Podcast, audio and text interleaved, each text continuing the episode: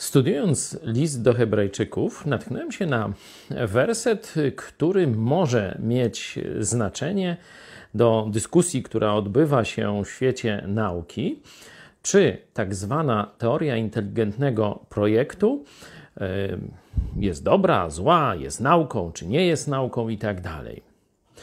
Myślę, że ważniejszym pytaniem niż co jest nauką, a co nie jest nauką, czyli co spełnia, dokładnie mówiąc, kryteria dzisiejszego pojmowania nauki, bo tak jak mówiłem niedawno, jeszcze 150 lat temu, naukę całkowicie inaczej definiowano, jest to, czy dana teoria jest prawdziwa, czy fałszywa.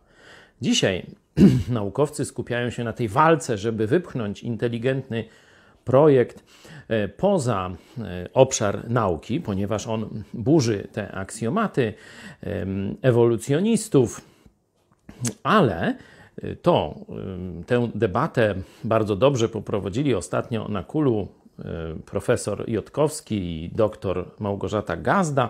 Można to sobie zobaczyć na naszym kanale. Ja chciałem się odwołać do tego najbardziej kluczowego pytania – czy teoria inteligentnego projektu jest prawdziwa? Teoria inteligentnego projektu zawiera takie dwa podstawowe, e, dwie podstawowe prawdy, tezy stawia. Po pierwsze, że każdy projekt można rozpoznać, czyli inaczej, że można rozpoznać e, w przyrodzie e, działania zupełnie przypadkowe w wyniku oddziaływania w czasie sił naturalnych, no i twory, za którymi stoi jakaś inteligencja, czyli inteligentny projekt. No i druga teza, że świat, który widzimy, e, powstał w wyniku działania inteligentnego projektanta. I teraz list do Hebrajczyków, trzeci rozdział.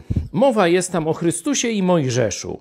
Uznany on bowiem został za godnego, tu mowa o Jezusie, za godnego o tyle większej chwały od Mojżesza, i tu uwaga, o ile większą cześć ma budowniczy od domu, który zbudował. Budowniczy to projektant również. I werset czwarty kluczowy. Albowiem każdy dom jest przez kogoś budowany, lecz tym, który wszystko zbudował, jest Bóg. Mojżesz jest zbudowany przez Boga, tak jak każdy budynek jest zbudowany przez jakiegoś projektanta. Mojżesz jest człowiekiem. Człowiek został zbudowany, zaprojektowany przez Boga. Więcej jeszcze, lecz tym, który wszystko zbudował, czyli wcześniej też zaprojektował, jest Bóg. Macie odpowiedź. Czy teoria inteligentnego projektu jest prawdziwa?